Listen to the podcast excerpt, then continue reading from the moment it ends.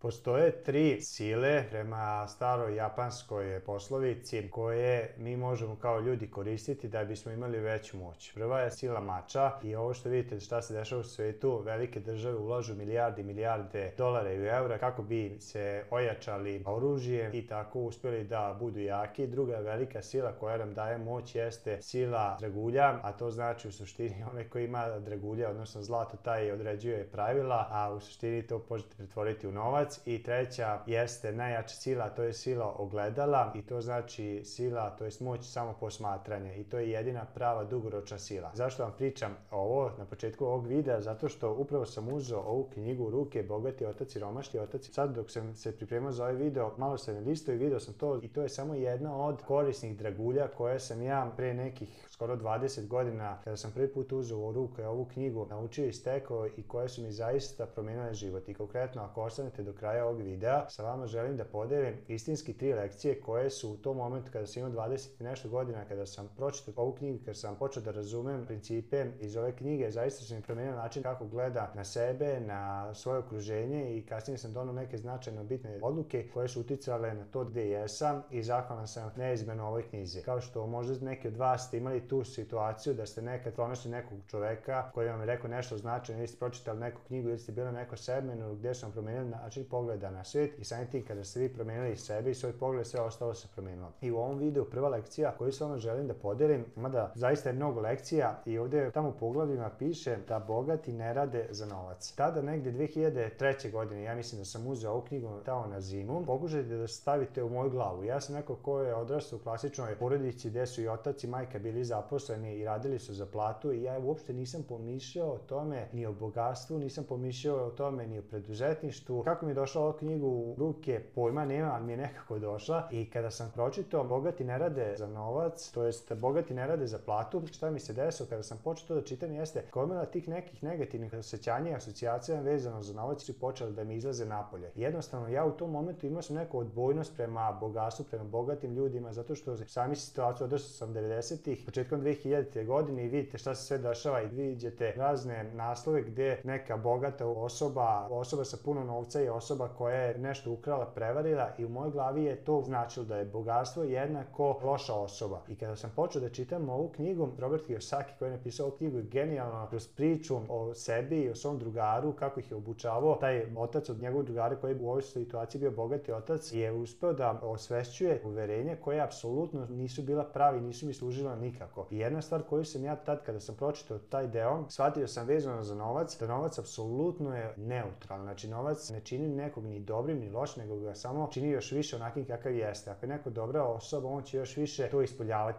će drugima. Ako je neko loša osoba, još će se više pokazati kakva je polož, da tako kaže. E, upravo danas sam na Facebooku izlasio mi neki post gdje je bilo anketa da se glasao da li verujete, pa tri opcije. Pod broj 1 novac ne menja ljude, pod broj 2 novac popravlja ljude i pod broj 3 novac pogoršava ljude. I možete misliti šta je najviše ljudi glasalo. Ubedljivo je ona, kad pogledate taj grafikon glasanja, ova posljednja poslednja opcija je bila skroz da ispunjen do kraja, dok ove dve su se tek tek videle. Tek par osoba je glasalo da je novac neutralan i da novac pozitivno utiče na druge ljude. I meni u tom momentu kad sam to čitao je to bio mnogo veliki aha moment jer sam onda počeo malo ozbiljnije da razmišljam o novcu. Jer teško je da danas živimo u svetu i da ignorišemo novac. Znači to je isto toliko bolesno koliko i s druge strane ljudi koji su opterećeni novcem. To je isto izrek iz ove knjige. I zaista je bitno da imate taj zdrav odnos prema novcu. I ono što je meni pomoglo jeste da počnem da osvećujem te neke stvari koje mi nisu bile korisne korisnim i posle toga sam počeo da ozbiljnije posmatram novac. I sledeća lekcija koja mi isto značila jeste do tog momenta dok nisam uzeo ovu knjigu u ruke nisam bio svestan pojma finansijska sloboda. U mojoj glavi isto je bio taj neki sistem, koncept da jednostavno ponašam se kao što su se ponašali moji roditelji, kao što se ponašaju ljudi koje ja znam. A to je kada završiš škola, lepo se zaposlite i kada se zaposlite, ako imate sreće, ostaćete na tom poslu 40 godina i onda posle toga dobit ćete zlatan sat, otićete u penziju penziju i uživaćete do kraja života koliko god to bilo. Jednostavno, to nisam dovodio uopšte u pitanje taj scenarij dok nisam pročitao ovu knjigu. I onda je on objasnio taj koncept finansijske slobode i konkretno naveo jedan primer koji je rekao da je definicija finansijske slobode koliko možete proživjeti dana da više ne radite. I onda sam ja počeo da sebe pitam da recimo to nekog osobu koju ja znam koja radi, da prestane da radi, da li bi ta osoba mogla da preživi par meseci ili par godina bez plate. I onda sam vidio da u suštini to nije izvoljivo i onda sam ja rekao sebi, ok, mlad sam čovek, da li ja želim sebe da Da dovedem u tu opasnost, taj rizik da je moja budućnost zavisi od nekog poslodavca od tome da će me zadržati i dati im platu ili neće dati platu. I onda sam još više u sebi počeo da razmišljam o toj ideji da kako ja mogu da u narednom periodu, narednih par godina izgradim finansijsku slobodu tako da ja mogu što više dana da imam, da sakupim, da ne moram raditi. Da imam dovoljan broj dana da mogu da se snađem ako iz nekog razloga prestanem da radim. I posle toga, kažem, kako knjiga ide, svakako vam preporučujem da čitate, otvara se neka nova lekcija, a to je lekcija lekcija recimo finansijska pismenost. Ok,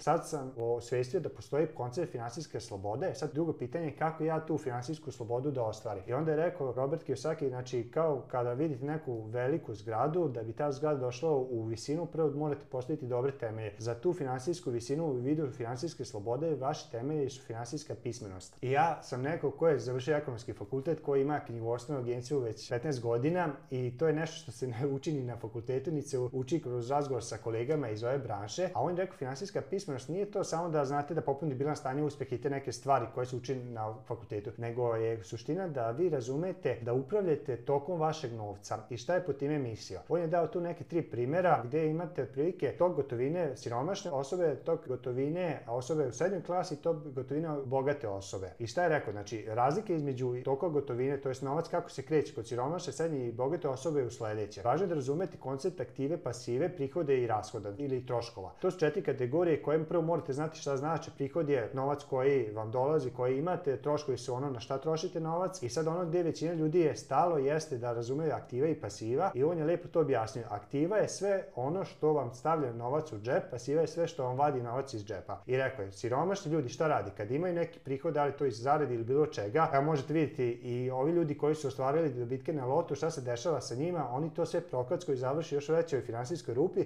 zato što oni sve to potroše. Znači, taj novac, to gotovine direktno ide iz prihoda, ide u troškove i nestaje iz njihovih džepa. I to je ono što ne treba da radite. I ja sam tada osvestio, ok, to ne želim da radim. Šta je sledeća stavka srednja klasa, šta radi? Oni malo drugačije funkcionišu tako što povećavaju svoje troškove, jer iz prihoda kad ostvare zaradu, odu u banku, zaduže se i to se zove pasiva i onda iz te pasive plaćaju troškove, ali ono što se dešava, kopaju, kažem, još veću finansijsku rupu, jer taj novac kad budu vraćali sutra, moraju mnogo više vratiti zbog kamata i onda tako oni još više se zaglavljuju u dužničkom ropstvu. On je to rekao da srednja klasa zove se otprilike koncept zlatnih lanaca, onih lanaca koji koristi policija, a to je jednostavno jedan mesec ste daleko od bankrota i zato ste vezani, znači lepo živite, svi sa strane mogu da vidite da imate lepu kuću, idete putovanja, vozite dobra kola, ali ono što ne vidite da sve to na krediti, da vi jednostavno ne smete da dozvolite sebi luksus da se igrate i da pokrećete nešto novo, nego morate ostati tu na poslu da bi sve to se održavalo. I kaže, to je jako opasan deo,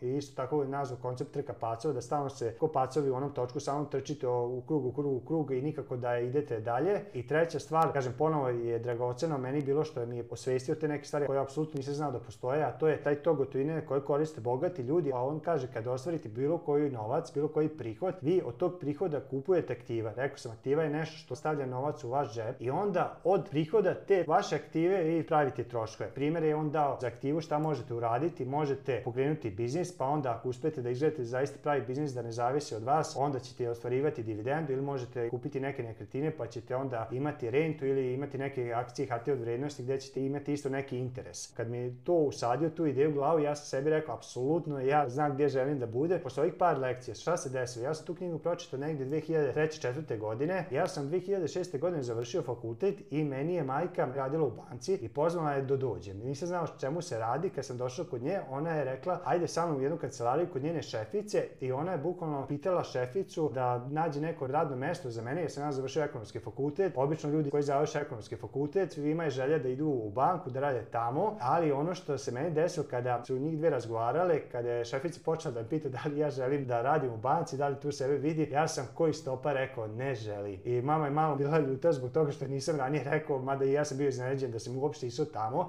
a suština je bila tome da je meni toliko bilo kristalno jasno da ja ja dugoročno, ako se zaposlim za nekoga, ja jednostavno tu ću biti samo zbog novca. Eto, još jedna lekcija iz ove knjige i poglavlja se tako zove, nikad nemojte raditi za novac, uvijek radite za znanje. Ja ću biti tu negde kao neka osoba u srednjoj klasi gde ću na početku imati neku zaradu i gde ću možda se zadužiti, pa ću onda uzeti hipoteku, pa ću uzeti kola na kredit i tako dalje i onda će mi proći tako ceo život, ali nikad neću doći do tog momenta finansijske slobode. I jedini pravi način jeste da ja počnem da gradim aktivu. Aktivu ne mogu graditi tako što ću za nekog uraditi, nego moram krenuti tako što ću gledati svoje posla. Isto jedna lekcija, tako što ću pokrenuti neki svoj biznis i zbog toga ja sam pokrenuo svoj biznis tada, posle toga kažem sve istorije, prošlo već 16-17 godina i to je jedna od najboljih odluka koje sam donao u svom životu, što nikada nisam radio za nikog drugog, nego sam gledao svoje posla, radio sam za znanje, iako možda ljudi sa strane su me gledali kao ludaka jer sam odbio posao, mučim se tamo, izigram nekog preduzetnika, radim kasno do noć, tada na početku jer nisam znao oko sistemi i ostalih stvari,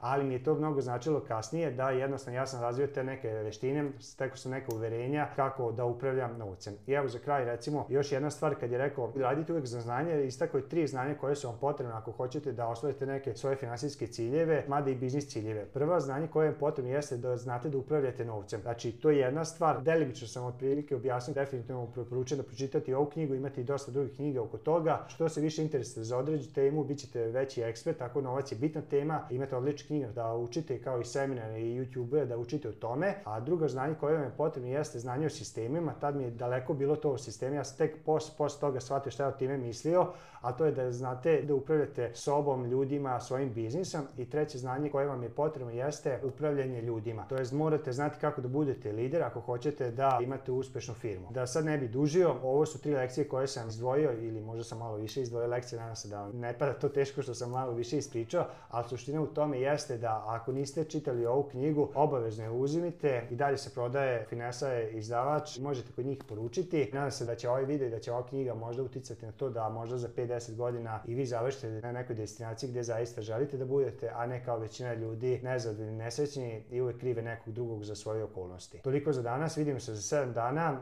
i veliki pozdrav!